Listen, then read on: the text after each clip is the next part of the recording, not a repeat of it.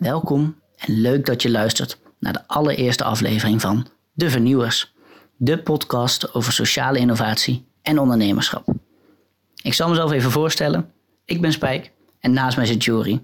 Samen gaan we deze podcast in gesprek met ondernemers en experts over hun bedrijf of hun vakgebied. Vandaag in de eerste aflevering hebben wij te gast een sociaal ondernemer en Nederlands kampioen pitchen, Tom Eldrix.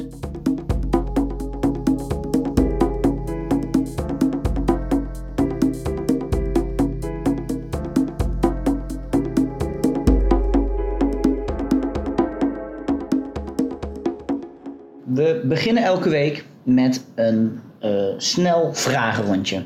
Thuis of op kantoor werken? Thuis. Met je telefoon betalen of met je pinpas? Telefoon. Vlieg- of rijvakantie? Vlieg. Carnaval of skivakantie? Ski. iOS of Android? Android. Bellen of appen?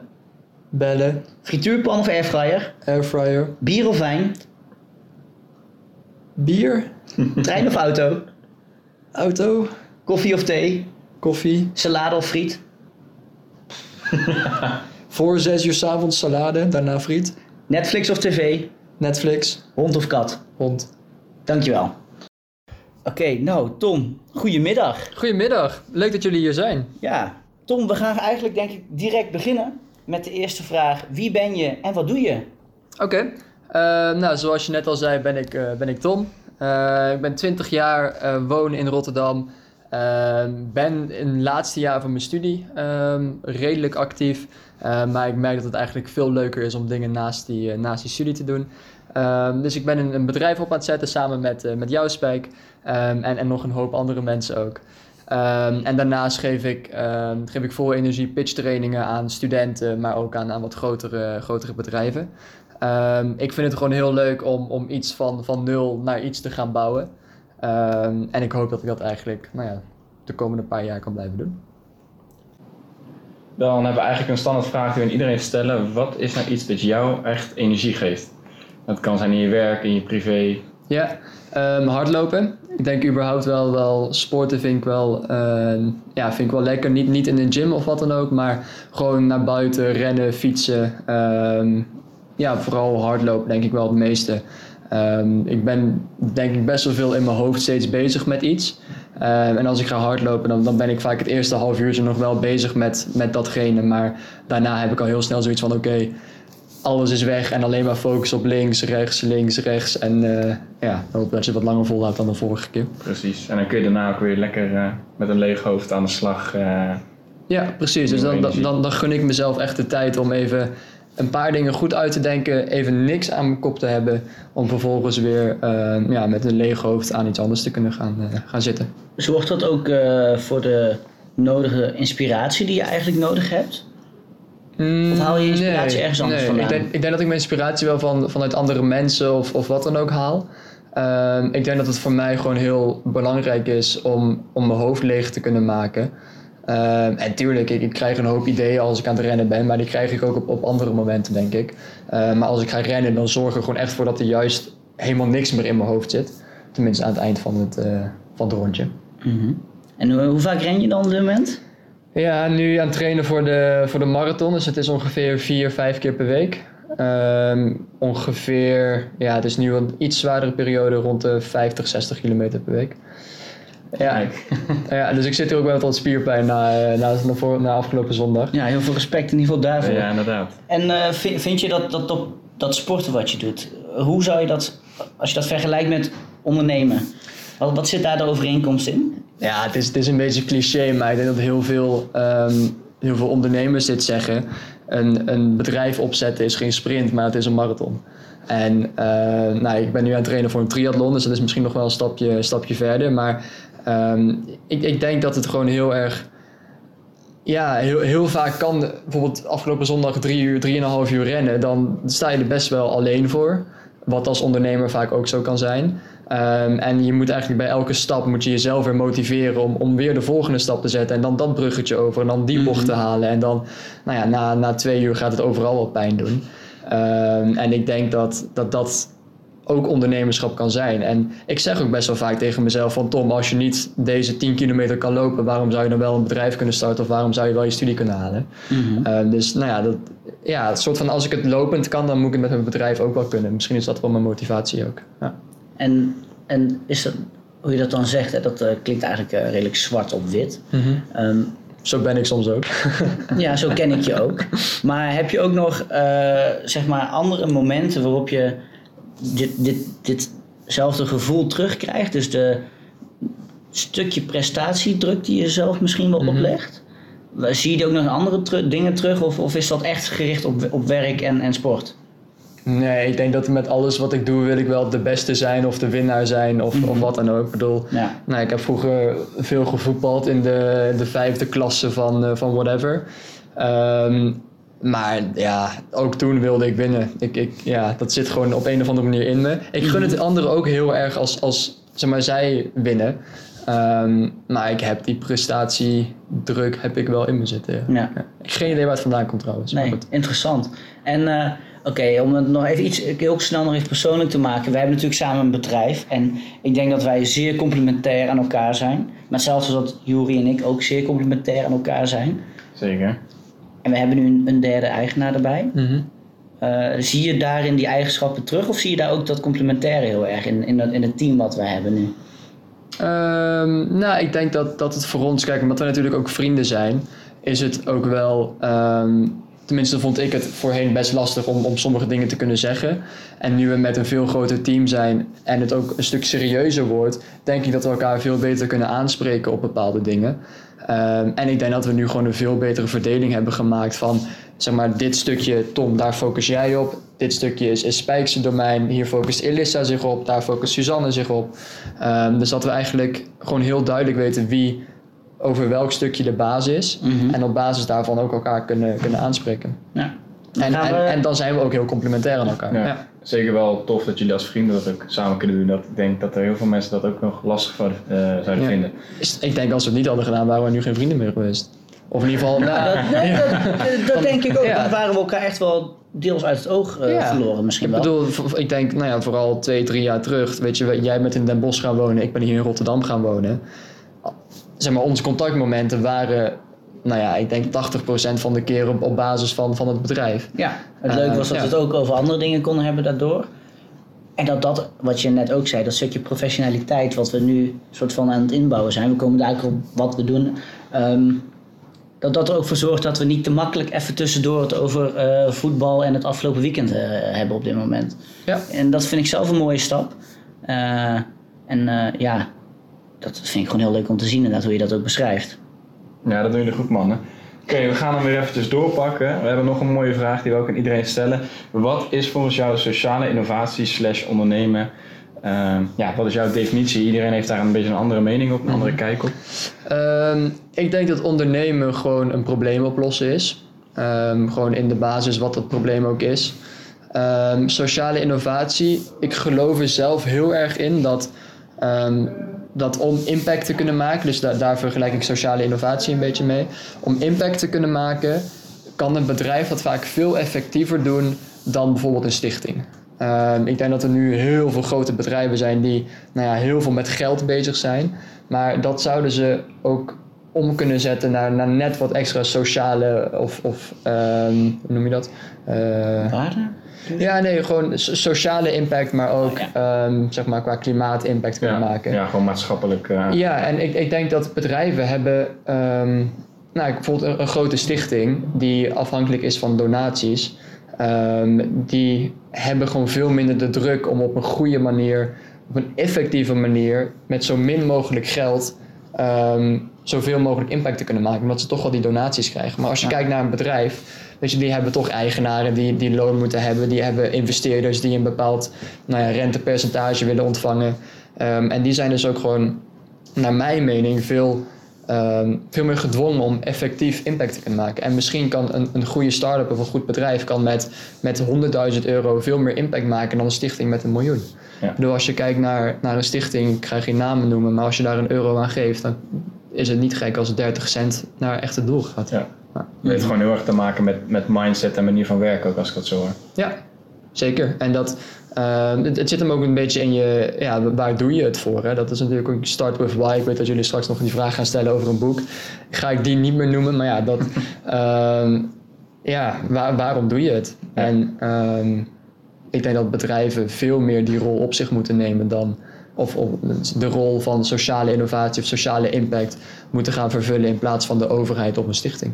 En denk je, waar denk je dat bijvoorbeeld zo'n druk om dat te gaan doen vandaan zou moeten komen? Want er is natuurlijk nu niet heel erg aan, iets aanwezig waardoor bedrijven of grote corporates zeggen Ja. van we gaan dat doen. Er is op dit moment niet een per se een financieel, financieel aantrekkelijke situatie. Nee. Zo, weet je, want dat is wat mij, voor mij voor die je- je grote bedrijven dus vaak ik, eh, ik, zou bedoel, ik, aantrekken. ik, ik ken het, het hele fijne er ook weer niet van, maar bijvoorbeeld een, een Unilever. ehm, ik kan best begrijpen dat zij, bijvoorbeeld als ze in wat, wat armere, minder welvarende landen bepaalde impact kunnen creëren op economisch en sociaal gebied. Weet je, als mensen meer gaan verdienen of een hogere koopkracht krijgen, dan kunnen ze uiteindelijk misschien ook een flesje deo kopen van, van Axe, van Unilever. In ieder geval kunnen ze ook een flesje deo kopen of een shampoo of wat Ja. dan ook. Ja. En ehm, weet je, uiteindelijk is dan nog steeds voor een Unilever het doel van oké, we kunnen een grotere afzetmarkt creëren, dus we kunnen meer winst behalen. Maar dan nog help je wel een hele groep mensen ermee. Zeker. Ja, eens. eens. Dan hebben we nog een, eh, nog een eh, standaard vraagje. Wie of wat inspireert jou? Mm, En je moet nou niet mijn naam zeggen. nee, maak je daar wel niet druk om. Ehm, ja, ik heb vroeger best wel veel boeken gelezen van Richard Branson. Ehm, ja, heel veel respect voor die man ook. Ja, gewoon jong begonnen met ondernemen en gewoon omdat hij het leuk vond om te doen. Ehm, En dat is en- van Vir- Virgin Air. En Ja, van Virgin. Hij, hij was toen begonnen met een studenten, ehm, studententijdschrift eigenlijk. Ehm, en uiteindelijk heeft hij die eh, Virgin Records, zo'n platen, platenwinkel opgezet. En nou ja, dat is uiteindelijk Virgin Atlantic, Virgin Galaxy, en weet ik, ja, allemaal geworden. Ehm, maar ik vind het gewoon die man die, die geniet met alles wat hij doet. En ja, ik denk dat dat gewoon heel, heel inspirerend is. Ja. Streef je daar ook naartoe, naar doen wat je leuk vindt? Ja, nou, ik, ik heb hier een tijdje. Ik denk dat ik vroeger. Dus dan heb ik het over, nou ja, zes, vijf, zes jaar geleden. Was ik best wel. Ja, ik maakte wel schrapjes van. Oh, later ga ik op mijn jacht wel, eh, ga ik wel chillen, zeg maar. Of ga ik wel met de, de helikopter van mijn jacht naar mijn huis. En, Ja, zo heb ik jou leren kennen. ja, ja, ik denk dat ik dat, dat, toen, ehm, dat dat toen mijn motivatie was. Maar ik merk nu wel steeds meer van... Ja, boeien. Ik zou het gewoon veel gaver vinden om bijvoorbeeld ehm, de vrijheid te kunnen hebben... om zes maanden in Tanzania te gaan wonen. Of ehm, ja, in ieder geval niet... Ja, dat materiële, dat, dat zit veel minder in me dan, Mhm. dan vroeger. En om dat terug te linken aan Richard Branson... Ja, ik weet niet wat, wat zijn vermogen is, maar... ehm, ja, hij streeft niet naar dat vermogen. Hij streeft Mhm. naar de vrijheid die dat vermogen biedt. Ja. Dus het, het, het vermogen is dan het middel en de vrijheid is het doel. Ja, denk het wel. En dat is ja, dan... maar, maar vrijheid kan ook zijn dat je naast het opzetten van een bedrijf een, iets anders opzet. Ja, Wat ook weer impact maakt. Hè? Dus het hoeft niet per se vrijheid te zijn van ik hoef, niet meer, ik hoef nooit meer in mijn nee, leven nee, te dat, werken. dat zeg ik ook niet. Maar Maar- vrijheid in, in wat je zelf wil doen en laten. Ja, ik denk dat, dat, dat ik dat sowieso wel belangrijk vind. Ja. Oké. En dan komen we eigenlijk aan op het stukje waarin we wat persoonlijker gaan maken. Ehm, en dat komt eigenlijk. Nou, dat is, dat is helemaal niet eng. Het, het komt er vooral op neer dat. Hè, je, je, je noemde het net al, Tanzania. Ja, wat kan je vertellen over jouw bedrijf? Wat tussen haakjes Ja. ook van mij is, maar dat doet er nu niet. Nee. Nee. Ehm, nou ja, het is, het is natuurlijk ooit begonnen toen wij samen naar Tanzania zijn geweest in 2015. Ehm, en nou ja, dat was met onze middelbare school. eh 25 leerlingen, vier leraren. En daar hebben we vier, ehm, ja, vier middelbare scholen bezocht. Eh, puur eigenlijk om, om in contact te gaan met leerlingen daar. En, en te kijken van hoe wij bepaalde problemen oplossen en hoe zij bepaalde problemen oplossen. En op basis daarvan in discussie te gaan. En nou ja, ik denk dat dat ook wel de kern was, of dat daarom misschien al de kern een beetje werd gevormd van, van wat we nu doen. Dat ehm, heel veel mensen hebben het idee van wij in het Westen gaan even in Tanzania, maar minder welvarende landen, even vertellen hoe het moet. En daar heb ik gewoon best wel veel moeite mee, want onze manier is niet de beste manier. Mhm. Ik denk dat je samen tot, tot een oplossing moet komen. En ehm, nou goed, even terug naar Tanzania. Dat, dat, we waren daar om in contact te gaan met, ehm, met leerlingen van, van vier middelbare scholen. Ehm, En daar hebben we eigenlijk gezien dat, dat jongeren, ja, jongens gewoon geen ondergoed droegen. Ehm, en, en dat ja, zette ons eigenlijk een beetje aan om, om daar wat aan te gaan doen. En ik denk dat we heel mooi daarvoor iets neer hebben gezet, maar dat we ehm, ook allebei wel merkten van oké, ja, wat we nu aan het doen zijn, kan een stapje effectiever. Uh, en een stapje professioneler ook wel. En toen hebben we dus nou ja, een maand geleden Moja opgezet. Waarbij we eigenlijk streven om um, nou ja, op de kracht van consumenten om te kunnen zetten naar economische, sociale um, impact in, in nu Tanzania, maar later ook andere landen. Dus om het ja, wat concreter te maken, uh, we hebben Moja. En eigenlijk voor elk product die wij verkopen, voor nu alleen nog maar ondergoed, geven wij ook, of maken wij ook een, uh, een onderbroek in Tanzania of uh, herbruik van maandverband. En dat geven we in combinatie van een, uh, met een hygiëneworkshop geven we dat weg aan um, ja, vooral scholieren in, uh, in Tanzania. Mm -hmm. Dus ik bestel een onderbroek bij Moja en ik krijg hem thuis, mooi ding. En dan wordt er in Tanzania een, nog een onderbroek gemaakt wel een iets andere dan, ja. neem ik aan. En die gaat naar uh, een kind die, die nodig heeft. Ja, in combinatie met een hygiëne-workshop. Okay. Dus uh, dat is voor ons wel, nou ja, wat ik net zei ook, van het is niet zo dat wij gaan vertellen hoe het moet. Nee, we willen zo lokaal mogelijk mensen um, zeg maar, ja, de economie kunnen stimuleren, zodat er werkgelegenheid komt. Um, om, omdat we dit doen, zijn er nu bijvoorbeeld drie, drie mama's die ja, wat extra geld hebben kunnen verdienen, waardoor ze een bankrekening konden openen of een nieuw matras konden kopen. Um, en, en zijn er nu nou ja, bijna duizend kinderen, hebben ze een soort van een hygiëne-workshop gehad, waar het belang van tanden poetsen, uh, kleding wassen, maar ook ondergoed dragen bijvoorbeeld naar boven komt. En, en hoe, wat is dan, om nog iets in detail te gaan, wat is dan het probleem dat je oplost door die ja, onderbroeken daar... Uh... Um, nou, we hebben dus de, zeg maar de onderbroekenafdeling en de uh, herbruikbaar maandverbandafdeling. Dus uh, we maken ondergoed in Tanzania, geven dat weg. En maken ook uh, herbruikbaar maandverband in Tanzania en geven dat ook weg. Um, het probleem van het ondergoed is vooral dat het niet dragen van ondergoed kan leiden tot infecties, seksuele dysfuncties en een vorm van, van minder zelfvertrouwen, minder waardigheidsgevoel misschien. Omdat sommige bijvoorbeeld medeleerlingen wel ondergoed ja. hebben.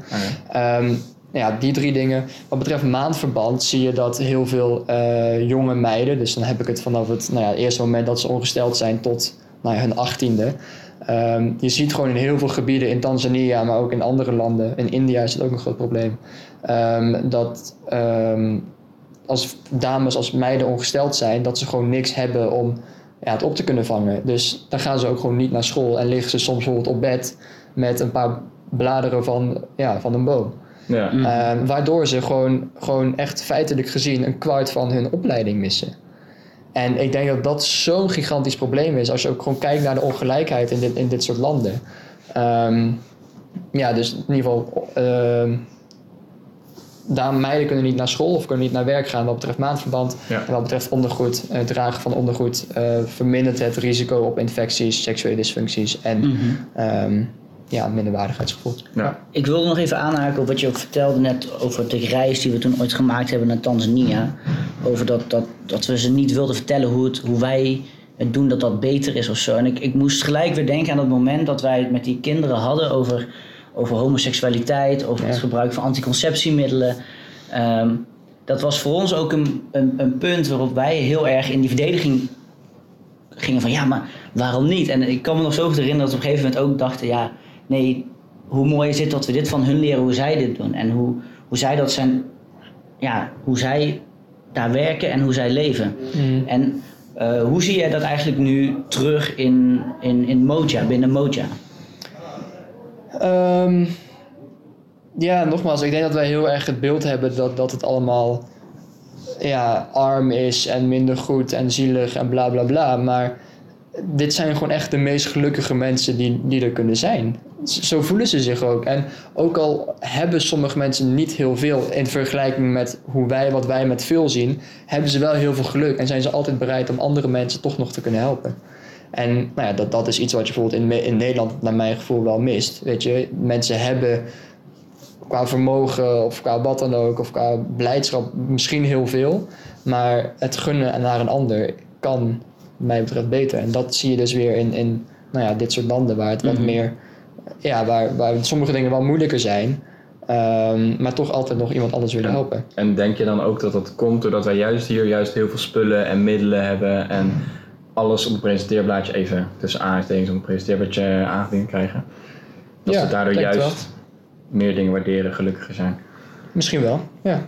ja. Je zei net dat je iedereen eigenlijk alles gunt. Hè?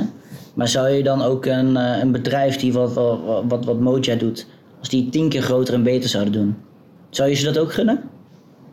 Ja. Ja, denk ik wel. En daar hebben wij wel een mooi voorbeeld van. Maar, ja. Ja. Nee, oké. Ehm, maar oké, je hebt nu je, vertelt eigenlijk eh, heel mooi wa- wa- wa- waarom Moja bestaat en hoe we Moja runnen en wat we uiteindelijk doen. Ehm, maar op welk punt heb je ooit bedacht, eh, dit moeten we gaan doen? En wa- wat heb je toen eigenlijk als allereerste gedaan? Nou, ik denk dat het heel. ehm, ik was toen de tijd was ik een, een boek aan het lezen van eh Blake eh Mikoski, heet hij met zijn achternaam. Dat is de oprichter van Toms. Dus die, die hadden dat buy one, give one model met, met schoenen toen. En hoe lang is het geleden? Even tussendoor. Dit is 2015, denk ik. Ja, ja. Na de zomer van 2015 was ik dat boek aan het lezen. En nou ja, toen, terwijl ik dat aan het lezen was, koppelde ik dat eigenlijk een beetje aan, ehm, aan, aan wat we in Tanzania hebben gezien. En toen heb ik, eh, nou ja, op een snackbar in Straat om Zijnd, heb ik eigenlijk tegen Spijk gezegd van kom, we gaan een boek maken en we gaan hier wat aan doen. En geen idee hoe. Ehm, en ik denk dat, nou ja, wij vonden het ook gewoon heel leuk om op vrijdagmiddag ehm, van, van, ja, weet ik veel, van 2 tot 6 zeg maar daaraan te werken. En dat was dan een logootje designen en wat nadenken en hoe gaan we dan heten en dat soort dingen. Maar uiteindelijk hebben we door middel van ons verhaal te vertellen, hebben we nou ja, heel veel mogelijk gemaakt. En hebben we nu daar op basis daarvan gewoon echt een, een, een bedrijf staan. En wat je niet moet vergeten is dat wij eerst een ander business idee hadden. Ja. Dat is nog steeds Ja. een heel goed idee. Ja, maar ja. eh, we waren 17 Ja. en jij kwam naar mij toe. Je zei: Spijk, ik vind het altijd vervelend dat als ik eh, ga voetballen op, op straat. Dan ga ik daarna naar de training en dan eh, kunstgras. En dan spelen we op zaterdag de wedstrijd op normaal gras. Dan moet ik drie paar schoenen hebben. Waarom kan je niet één schoen met drie zolen Ja. hebben? Nou, Ja. hebben wij, daar hebben we- Voetbalschoen. Voetbalschoenen. Ja. En daar zijn we eigenlijk toen eh, eh, ooit met z'n tweeën ons hoofd over gaan kraken. En toen kwamen we ook erachter, nou, dit, dit, dit wordt het niet. Ja. Eh, en Nou, dat ik- vind ik nog zelf nog steeds wel heel leuk hoe wij hoe we dat eigenlijk met z'n tweeën soort van ja, zijn gestart op die vrijdagmiddag inderdaad. Totdat we op een gegeven moment op, in de snackbar zaten op straat om zijn met z'n Ja. tweeën. Ehm, ja, Zwaar illegaal. zwaar illegaal. Maar, ehm, oké, dus we hadden dat idee. En wat, wa- wat was nou die allereerste stap wat er eigenlijk heeft voor gezorgd dat je nu staat waar je staat? Ja, dus jullie waren, zijn begonnen, logootje, naam bedacht. Eh, op een gegeven moment, wanneer is een soort van, is er, is er, zijn jullie omhoog gegaan? Ben je een beetje in de vlucht gekomen? Ja. Nou, ik, ik denk dat stap 1 was, was jou zeg maar, erbij betrekken. Zonder dat dan, nou ja, was, het, was dit nooit gelukt, denk ik. Ehm, ja, die kan je in je zak steken. Ehm schaars complimentje van Tom. Ja, Ja, schaars, ze zijn schaars. Ja, gelukkig is die opgenomen. En hij is opgenomen, dat kan niet weten. Ehm, nou ja, toen hadden we dus wat, wat dingen op papier staan. En volgens mij in april of in mei ehm, gingen we vanuit de middelbare school... was er een, een, ja, een, een programma eh, bij de Europese Commissie in Straatsburg. En daar kon je verschillende workshops volgen en, en verschillende dingen doen. En een van die workshops was je, je bedrijfsplan pitchen. Ja. Ehm, dus dus ik, ik spijk aan zijn shirt getrokken van, eh, kom, gaan we doen. eh, we, we doen het gewoon, we zien wel. Ja. Nou ja, toen hadden we, ik, ik heb die PowerPoint laatst nog een keer gezien. God, wat was het al lelijk. Maar ehm, nou, wij, wij een, een plannetje maken en dat is dan echt, nou ja, gewoon letterlijk een A4'tje, misschien twee A4'tjes waarvan één, de helft van één kantje ons logo was. Met, nou ja, wat gaan we doen en hoe gaan we dat dan doen? En daar ontstond dus ook het idee van, oké, je koopt een onderbroek en we geven er eentje weg. Ehm, dat plan moesten we online een beetje, ja, moesten we, moesten we inzenden. Ehm, want dan kon je uiteindelijk op de finale dag bij, die, bij dat event, mocht je dat gaan pitchen aan een zaal van nou ja, 150, 200 andere mensen die in die zaal waren. Ehm, dus wij dat, dat plan geüpload. Ja, geen idee eigenlijk wat de andere bedrijven zouden zijn. En een paar weken later kregen we te horen van... nou, jullie zijn een van de zeven finalisten die, eh, die geselecteerd zijn om hier, eh, om hier aan mee te doen. Dus dat gaf ook wel aan, aan van het niveau. Toen was het even van, oh, oké. Oh ja, dat is toch, wel- toch wel, toch wel Ja, gaaf. ja, ja. Ehm, en toen, nou ja, op, op, op die dag in, volgens mij was het mei, me 17, 18 mei, zoiets. Ja. Ehm, mochten we de, mocht ik daar naartoe, want Spijk was het tentamen, moest een eh, examens maken. eindexamens. Eindexamens maken. Dus ik ging daar naartoe. Ehm, ja, in mijn trui en mijn overhemdje eronder. Ik vond ik nog wel redelijk netjes uitzag voor, voor wat ik normaal droeg. Dus ja, voordat die finale echt was, was er nog een soort van ja, planning sessie, oefensessie, waarbij de jury er was en de andere start-ups. En die, die mochten zeg maar één keer oefenen van hoe hun pitch dan zou zijn. En dan zouden ze daar feedback op krijgen. Ja. Dus ehm, nou ja, ik, ik kwam daar laat binnen, want ja, het was super druk daar. En nou ja, al die andere mensen keurig in pak, zagen er allemaal super netjes uit. 24, eentje had al 5 ton eh, opgehaald ergens. dus ik kwam binnenlopen als, als 17-jarig broekje van... eh hey, Hey. wordt leuk dit. Maar toen gingen ze dus allemaal hun pitch oefenen. En ik dacht eigenlijk van, ja jongens, dat valt eigenlijk wel mee. Ja. Ik bedoel, ja, je hebt een goed idee, maar als je het niet over kan brengen, dan heb je niet echt een goed idee, vind ik. Ehm, dus, nou ja, ik mijn pitch oefenen en dat ging eigenlijk wel goed. Wat goede, wat goede feedback gekregen die ik, nou ja, twee uur later ehm, ja, goed kon gebruiken. En toen, nou, twee uur later begon die finale, mocht ik mijn pitch doen. Ging naar mijn mening goed, maar ja, niet, niet heel veel van verwacht. En toen eh, uiteindelijk ja, waren, we, waren we als winnaar, winnaar uitgekozen. En dat moment zorgde wel voor van oké, we we zijn echt met, met, met iets schaafs bezig nu. En dit, dit moeten we nu echt gaan oppakken. En toen, die, die avond zelf, die, die gaat nu zeggen, toen een vriend van mij die mee was, die had Eindhoven's Dagblad en Omroep Brabant via Facebook een berichtje gestuurd van oh super gaaf, jonge gast uit Eindhoven wint de pitchwedstrijd bij de Europese Commissie in Straatsburg. Nou, half uur later aan de lijn. En ik denk twee uur later eh, stonden er twee, eh, twee mooie interviews online bij Omroep Brabant en het Eindhoven's Dagblad. En vanaf dat moment zeiden mensen eigenlijk van, nou, ik, ik wil eigenlijk wel eens een onderbroek kopen. En toen... Toen begon de ellende toen, eigenlijk. ja, toen, Toen, toen werd het heel ja, inderdaad. Toen, toen, volgens mij hebben we nog, ja, we hadden nog niks. We hadden gewoon letterlijk die twee A4'tjes ehm, met een idee en een soort van plan. Maar we, geen, we hadden nog net een Facebookpagina. Ja, maar voordat we doorgaan in, in dat Ja, verhaal. Mhm. ehm, is dan eigenlijk het cruciaalste moment geweest het idee naar de buitenwereld brengen? En dus het stukje validatie ophalen in dit geval. Denk het wel. Ik denk niet dat, zeg maar... Ja, er waren mensen die zeiden van... Oké, ik wil wel een onderbroek kopen. Maar ehm, ik denk dat die validatie twee maanden later kwam. Toen we echt, nou ja, met ons tweeën een, een websiteje in elkaar flansten. eh, met een onderbroek die nog niet eens... Ja, die was gewoon letterlijk op, op, via Photoshop heel amateuristisch gemaakt. Ja. Ehm, die verkochten we. Of nee, sorry, die, die zetten we online. En binnen echt vijf dagen hadden we ineens 3.000, 4.000 euro. Gewoon van mensen die zeiden van ik, ik wil hier aan bijdragen. En het kan me niet schelen als ik die onderbroek pas over vier maanden krijg. Hier, ik, ik koop ze wel. Nou, en toen hadden we ineens wat geld. En met, daarmee konden we eigenlijk die eerste productie financieren. Ja. En, eh, welke ja. mensen zijn dan cruciaal geweest in, in, in dat proces? Want dat is natuurlijk van, eh, van, van, van het idee wat je hebt naar een website maken. Nou, dat, is, dat is tegenwoordig heel makkelijk, hè? Eh, er zijn genoeg manieren hoe, dat, hoe iedereen dat binnen een dag of twee kan Deze zelf podcast wordt doen. gesponsord door Wix. Ja, Nee. door Shopify.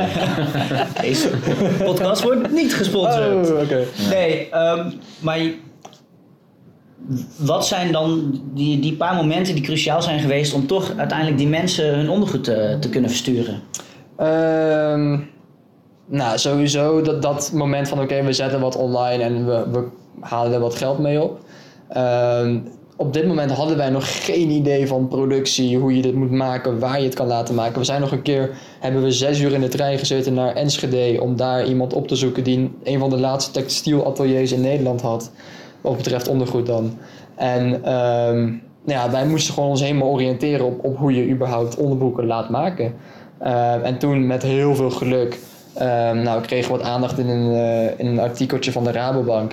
En daar hadden dus twee dames op gereageerd, Esther en Cynthia, die, ehm, die ondergoed hadden ontwikkeld voor Puma, Levi's, Calvin Klein, echt, echt grote merken. En die zeiden eigenlijk uit het niets van jongens, wat jullie aan het doen zijn is zo gaaf. Wij, eh, wij willen jullie graag helpen om, dit, om deze productie op te zetten. En nou ja, ik ben op dat moment wel echt... Zonder dat was het wel heel anders geweest. Mhm. Ja. En als je nu terugkijkt, hè, ehm, vind je jezelf dan een eh, sociale ondernemer of een sociale innovator? Hmm. Ik denk innovator, omdat een, so- een sociale ondernemer, dat, dat kan denk ik iedereen zijn die, ehm, die een bedrijf opzet waarbij het doel niet alleen winst is. Maar met een innovator ben je echt iets nieuws aan het doen. En Ik denk dat onze manier van impact maken, dat zo lokaal mogelijk maken en ehm, niet alleen dingen gratis weggeven, maar ook werkgelegenheid stimuleren, lange termijn ehm, opleiding op het gebied van hygiëne en, en kennis te verbeteren, dat, dat ja, die drie dingen bij elkaar maakt het zoveel waardevol dan alleen maar dat product maken. En um, zover ik weet zijn we een van de enige bedrijven die het echt zo, zo lokaal kan doen. En dat, ja, daar ben ik wel heel trots op dat, dat wij dat. Ja, dat vind ik innovatief. Ja. Ja, dus het, het doel en wat je ermee mee bereikt is vooral innovatief. Want als je wil kijken naar het businessmodel, dat, dat bestaat natuurlijk al- al wel. Bestond al wel. Maar de manier waarop. Ja. Kijk, bijvoorbeeld dat, dat, dat boek wat ik net noemde van, eh, van de oprichter van Toms. Ehm, ja, die, die gaf in het begin schoenen weg in Argentinië. Maar die werden niet altijd in Argentinië gemaakt. Nee. Dus die lokale schoenenboer, of schoenenproducent of schoenenverkoper of wat dan ook, die, die verloor weer omzet. Dus je, je hielp wel een hele grote groep en, en echt heel goed daarmee. Maar ja, je moet ook wel kijken dat, dat je iedereen kan helpen. En wat nou als je weggaat en zeg maar, kinderen zijn eraan gewend dat ze tien jaar lang schoenen hebben gehad en dan weer vijf jaar niet. Ja. Dat is ook een ding. Mhm. En is er dan iets, ehm, wat je zegt, je, je wilt zoveel mogelijk dingen bereiken en mensen bereiken. Is er iets waarin jullie eigen business, waar je van zegt van daar zou ik nog wel aan willen werken om dus meer sociaal of maatschappelijk eh, te kunnen zijn? Ik denk dat we ook heel veel meer kunnen kijken naar wat we in, eh, in Nederland kunnen doen. Eh, toevallig van de week was, was er een artikel dat 1 op de 9 vrouwen in Nederland gewoon eigenlijk niet de, de anticonceptiemiddelen kon betalen die zij echt wilden. Hmm. Nou ja, dat, dat vind ik gewoon best wel heftig. Ehm, dat, nou ja, in zo'n goed land als Nederland, Ja. zeg ik dan even tussen haakjes, Ja. ehm, dat dat kan. En of dat, ja, dat dat zo is eigenlijk. En ik denk dat we wat dat betreft ook heel erg moeten op, op moeten letten dat we niet ehm, zeg maar een, een, een zielig Afrikaans verhaaltje aan het verkopen zijn, maar dat we ook veel meer moeten kijken naar hoe we bijvoorbeeld in de VS ehm, daklozen of, of kunnen lobbyen naar hoe je ehm, betere anticonceptiemiddelen kan krijgen voor vrouwen in Nederland, in de VS of whatever. Ja. Dat we veel breder moeten gaan dan, eh, dan wat we nu zitten. Ja. Nice. En een beetje het, het taboe doorbreken ook wel. Ja. Mhm. Ehm, dan heb ik een vraag. Wat eh, waren eigenlijk struikelblokken waar je van zegt van dat waren wel echt dingen. Of kan het begin, eh, eindfase kan nu zijn waar je van zegt dat is echt heel pittig en daar moet je echt rekening mee houden als ondernemer, als sociale ondernemer misschien zelfs ook. Mm. Ja, ik denk dat je heel snel wel bedenkt van oké, dit is een probleem, maar hoe ga ik, daarover, hoe ga ik dat oplossen? Ehm, ik, ik kan nu niet echt, echt een moment bedenken waarvan, ja, waarvan we het echt even niet meer wisten. Ik denk dat er, nou ja, ongeveer een jaar geleden, dat toen wij nog met z'n tweeën waren, Spijk, dat we toen wel zoiets hadden van oké, ja, ja we, we hebben wat gaafs neergezet, maar ja, het kan net niet ons werk worden. Hoe gaan we dit nu oplossen? Ik denk dat dat wel een moeilijk moment was. Ehm, ik, ik heb ook echt, nou, we hebben echt wel gesprekken gehad van oké, hoe, wanneer stoppen we en wanneer stoppen we niet? Mhm. Ehm, ja, dat maakt het wel lastig. Want, nou ja, dat is misschien heel, heel openlijk gezegd, maar we hebben heel goed ons verhaal kunnen vertellen. Maar echt een bedrijf neerzetten waaraan twee mensen, ehm, zeg maar, die hun werk daarvan kunnen maken, dat is ons nog nooit gelukt. Nee, ik denk dat dat het persoonlijk ook, als ik even hierop mag inhaken, dat dat onze niet grootste struikelblok, maar wel de grootste uitdaging is. En ik, ik denk angst. angst slash uitdaging, dat dat, Ja. dat, dat, dat, wat, dat dat wat je doet, dat je daarvan kan leven. En eh, dat vind ik het zelf het mooie aan sociale innovatie en sociale, sociaal ondernemerschap, dat je ju- juist iets neer kan zetten waarbij dus die andere persoon echt helpt. Je doet niet iets goeds, je helpt iemand of iets, of je lost echt een probleem op. Je helpt hem zichzelf helpen in de toekomst. Ja. Ja, het is een lange termijn oplossing eh, waarop je ook jezelf op de lange termijn kunt onderhouden. En ik denk dat dat ook een hele belangrijke is voor mensen die, die dit starten en starten een bedrijf. Ook als ik kijk naar de mensen die, in, eh, die om ons heen ook zijn gestart. Ik denk dat voor veel mensen het stukje eh, ja, financiële zekerheid heel belangrijk is. En ook een hele grote uitdaging. Ik denk niet dat het een struikelblok is voor iedereen, maar dat het wel een hele mooie uitdaging is. Nou ja, ik, ik, ik zeg het ook al verder. Ik, ik, ja, ik, zeg dit ook al heel lang. Ik wil heel graag een boek schrijven over waarom elke student een bedrijf moet opzetten. En ehm, ja, weet je, wij zijn met z'n drieën super jong. we hebben niks te verliezen. Ja, oké. Je kan misschien twee, drie jaar heb je geen inkomen, maar ja, je hebt altijd nog je studielening.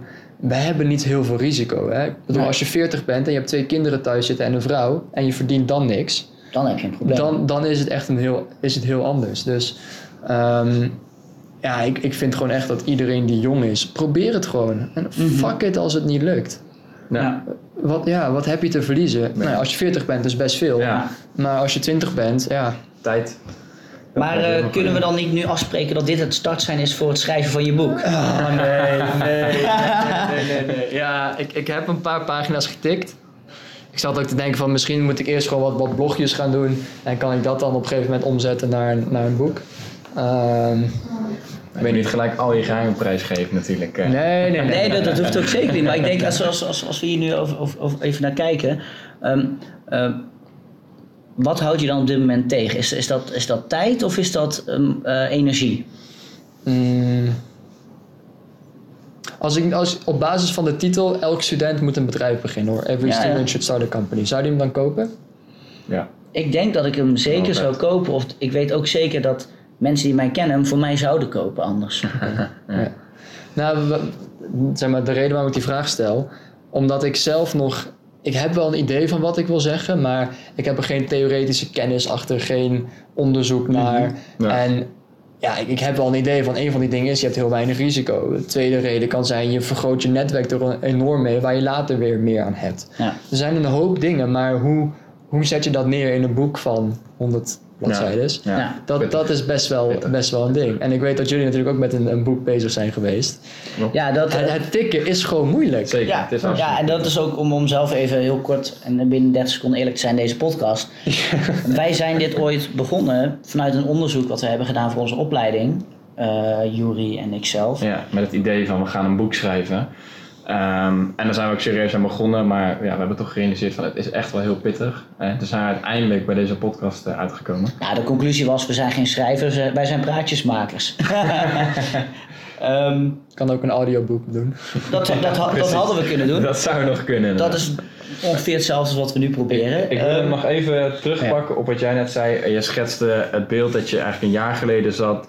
We hebben nu een idee uitgewerkt. We hebben wat verkocht. We hebben een business een- beetje opgebouwd. We hebben een heel mooi verhaal verteld. Maar eigenlijk zitten we wel een beetje in een dal van hoe gaan we nu verder? Eh, gaan we nog verder? Ehm, eh, hoe gaan we dit nog een, een viable business maken? Hoe gaan we groeien? Eh, denk je dat het heel belangrijk is voor ondernemers om ook als je dus echt in een diep dal zit, om te zeggen van we gaan nog door. Als je weet van ik heb een goed idee. Dat, ik, heb daar, ik, ik kan, me, ik kan me voorstellen dat het wel heel belangrijk is. Het gevaarlijke is dat elke ondernemer vindt dat hij een goed idee heeft. Ja, Maar als je kijkt naar, wat ik weet de cijfers niet precies, maar het zou me niet verbazen als binnen vijf jaar 80% van de bedrijven niet meer bestaat. Dus het is wel, ja, het is moeilijk om te zeggen. Je, je, hebt, je moet in jezelf geloven. Je, je moet jezelf kunnen toezeggen om, om door te blijven gaan. Net als met hardlopen, om die volgende stap weer te zetten, om die Ja. volgende bocht te halen. Maar ehm, ja, ik denk als je, als je echt het gevoel hebt van oké, dit, dit is iets. En je krijgt die reactie ook van andere mensen. ja dat is, dat- natuurlijk al wel wat Precies, resultaat. dat, dat, Ja. dat is wel heel belangrijk. Kijk, en nou ja, de reden waarom we nu hier zijn is omdat we, of in ieder geval dit nu kunnen doen, is omdat we een goed verhaal konden vertellen. En op, op drie, vier plekken wat, wat financiering hebben kunnen ophalen. Ehm, maar die financiering hebben we er nog nooit nog niet uit kunnen halen. Nee. Maar ik En, denk dat ja. wat ook een belangrijk ding is, wat, wat op dit moment voor ons heel erg typerend is, dat we een hele goede groep mensen eh, om ons heen, of nou niet om ons heen, naast ons hebben gezet.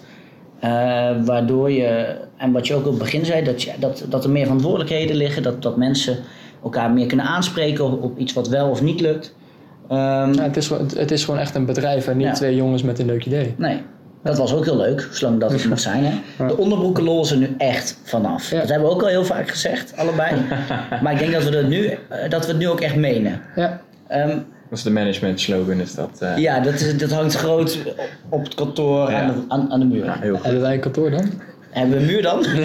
Precies. Maar oké, hè, als, je, als je nou kijkt, hè, we, we hebben denk ik nu de, de, de hele reis van Moja een beetje globaal doorlopen. En, eh, en wie, jij bent ook en wat, wat, je, wat jouw eh, drijfveren zijn. Maar welke dingen heb jij eh, gedaan of, of kunnen doen omdat je dit bent begonnen? Omdat ook- je ooit hebt gezegd, ik betaal die 50 euro aan de Kamer van Koophandel voor ook- dat bedrijf. En ook geleerd natuurlijk. Wat heb je jezelf aangeleerd of van anderen geleerd? Mhm. Nou, het zijn twee vragen. Misschien moeten we ze even los van elkaar pakken. Dat we eerst vragen, wat heb je mogen Ja. doen? En dat we Ja. daarna willen weten wat je ervan hebt geleerd. Ja. Ehm, nou, het mogen doen is wat ik persoonlijk heel gaaf vind, is andere mensen inspireren om, om iets het, hetzelfde op te gaan zetten. Of om in ieder geval ook iets op te gaan zetten. Ehm, ik, ik heb les mogen geven aan, op de universiteit hier in Rotterdam aan zeg maar, leerlingen die in hetzelfde jaar zaten als ik. Nou ja, dat vind ik best wel gek om te beseffen. Maar Ja. ik, ik vind dat heel gaaf als ik vanuit mijn ervaring binnen ondernemerschap die ze- 60 andere mensen kan inspireren om ook iets te gaan beginnen wat, wat goede impact creëert. Ja, dat vind, ik, dan, dan ben, ja, dat vind ik gewoon heel gaaf om te doen. En of dat nou in een zeg maar, leraar ehm, student setting is, of dat dat nou is bijvoorbeeld op een podium mogen staan, ons verhaal te vertellen, dat fucking Puma hetzelfde ging doen voor een maand en dat we dat nog goed vonden ook. En op die manier mensen inspireren, dat het niet altijd, ja, dat, dat, dat ze gewoon hun eigen ding moeten gaan doen. Ja. En, ehm, ik, ja, ik geloof er echt in dat, dat vooral jonge mensen. Waarom niet? Waarom zou je niet je eigen Ja. bedrijf beginnen? En heel veel mensen zeggen van ja, ik heb geen goed idee. Sorry, als je een week lang zit en jezelf gewoon letterlijk dwingt om vijf, vijf problemen per dag op te schrijven in een boekje, heb je aan het eind van, van de week 35 problemen die je bent tegengekomen, waarvan de 20 nog nooit zijn opgelost. Ja, Of dat je elke dag hetzelfde probleem tegenkomt. ja wie weet. Maar Dat eigenlijk, ook iets. om nog even kort, eh kort samen te vatten, is het eigenlijk dat je een, een podium op verschillende manieren hebt gekregen om zo ook jouw verhaal Ja, te vertellen en, ja, ja. en anderen te inspireren. Ja. Mhm. Heel tof. En dan was de tweede vraag, wat, wat heb je dan geleerd in de afgelopen vier jaar? Als we het grof, grof kan echt tot een hele simpele skill zijn of iets echt over een levensles. Ja. Ehm, ik denk dat ik heel goed heb geleerd hoe je, eh bepaal, ja, hoe je mensen op emotie kan overtuigen. Ehm, als ik kijk naar het winnen van het NK pitchen, ehm, sponsoring krijgen van Frits van Eert, ehm, geld krijgen van de universiteit hier in Rotterdam. Dat, dat is allemaal puur op emotie. Er is een probleem, het is een fucking groot probleem en we hebben jouw hulp nodig om het op te lossen. Doe je mee? Ja. Zeg maar op basis daarvan iemand kunnen overtuigen. En dat, dat, dat kan, ja, als je dat eenmaal kan, dan kan je dat met een dopperfles of wat dan ook ook gaan doen. Ja. Ehm, ja, dat heb ik mezelf wel heel. Ja, ik denk dat ik daar heel goed in ben geworden. Ehm, maar ik heb ook wel geleerd dat het niet alleen maar om die materiële dingen gaat waar ik het eerst over had. Dat, dat geld belangrijk is, dat je daarmee gave dingen kan doen en een dure auto kan kopen en mooie reizen kan maken. Maar, zeg maar juist gewoon ergens mee bezig zijn waar je van geniet, dat dat ook al heel veel waard is. En komt dat dan ook door het type business waar je nu in zit of ook meer gewoon door de ervaring van het ondernemen en voor jezelf iets kunnen doen? Nee, niet, niet het type business. Ehm, Ja, dan wil ik even met gelinkt aan Ja, ja. Ja. Ehm, ik denk dat het misschien wel eigenlijk altijd in me heeft gezeten. Dat, dat ik dat materiële helemaal niet leuk Belangrijk vind, niet belangrijk vind. Maar nou ja, gewoon in je, puberteit, in je puberteit zijn, eh, rebels, whatever, stoer Ja. zijn. De internetgeneratie zou Misschien wel, is dat er misschien een beetje ingekomen. Ik bedoel, een, ja, ik, ik- was best wel zo'n gast die 's ochtends wakker werd met een motiverende, eh, motiverende speech als wekker om te gaan sporten. En eh, ja, if you want it, you can do it. En dat soort dingen. Maar dat, dat is wel, ehm, ja, dat is wel weggegaan. Maar daar is natuurlijk ook niks, niks verkeerds eh, aan. Ik denk dat het me ook heel veel, ja, ook heel veel gebracht heeft. Ik, ben, ja, ik kan nog steeds heel vaak hebben van eh, zo gaan we het doen en anders flikker je maar op. maar Ja. ja. ik denk dat je gewoon heel goed moet kiezen van wanneer kan ik dat wel inzetten en wanneer niet. Ja. Mhm. En hoe ga je dan om met, eh, met, met, met de stress en druk die toch ook wel met zich meebrengt, hoor, hè, wat je zegt. Ondernemen dan, hè? Ook Ja, wel, hardlopen. eh, Hardlopen, dat is Ja. de oplossing. Ja. Blijven, blijven gaan, blijven rennen. nou, jullie horen het. Hardlopen. Ik ga ook hardlopen zo meteen, denk ik. eh. Nice, top. Oké, oké. Nou, dat is heel duidelijk. Heel Ja, duidelijk. dat is een eh, heel kort en krachtig antwoord. En hoe eh, de toekomst van Tom. Ik, ik pak hem even los van Moja. De toekomst van Tom, hoe ziet die eruit? Ehm, ik hoop heel erg dat we de komende jaren Moja echt kunnen gaan bouwen naar, naar een bedrijf die gewoon zeg maar, op een sustainable manier impact maakt. Dus met sustainable bedoel ik gewoon het jaar op jaar blijven kunnen doen. Ehm, maar ik denk ook dat, dat mijn kracht niet ligt in in het managen van het bedrijf. Denk ik, weet ik niet, maar dat denk ik. Ehm, en, en dat als zo'n bedrijf als Moja eenmaal echt staat, dat ik dan wel snel de neiging heb om ook te denken van oké, ik, ik wil iets anders gaan doen. Ja. Puur omdat ik het zo leuk vind om van 0 naar 10 mensen te gaan, of 15 mensen of wat dan ook, een beetje afhankelijk. Maar ja, om, om gewoon echt iets te gaan bouwen. Mhm. Dus eigenlijk wat je ook zegt is dat dit niet het laatste is wat je zal doen. Nee, nee. Dus eigenlijk korte termijn tussen aanhalingstekens is Moja flink uitgroeien nog. eh, en daarna op lange termijn misschien wel weer eens nieuw starten of erbij. Ja, Ja. duidelijk. En heb je een voorbeeld van een, eh, van een eh, innovator of ondernemer die dat ook eigenlijk zo heeft gedaan? Hmm. Nou, Richard Branson hebben we natuurlijk Ja. net, net ook Ja. al een beetje Ja. over gehad. Die, die heeft gewoon een visie dat welk bedrijf ik ook start, ik doe het omdat ik het leuk vind. Ja. En omdat ik het, ja, ik vind het gewoon, ik vind het gewoon leuk. Ehm,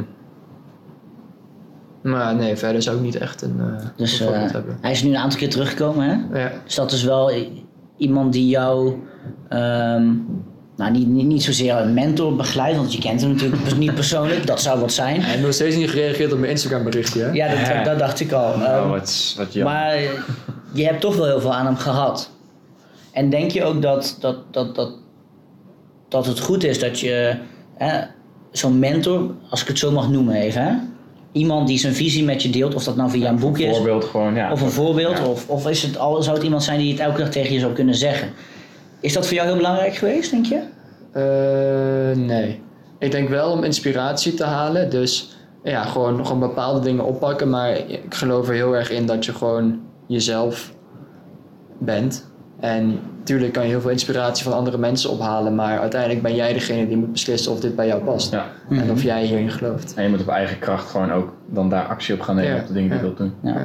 Bedoel, ik, als ik later de leeftijd van Richard Branson heb, dan wil ik niet dat kinderen gaan zeggen: Oh, die Richard Branson die inspireert mij. Nee, dan wil ik dat ze zeggen: Tom, die inspireert mij. Ja, ja. precies. Dat is een mooi doel. Ja. En eh, wij, hebben, wij hebben zelf ook een doel, en dat is dat mensen hiernaar gaan luisteren. Oké, hoe gaan we dat doen?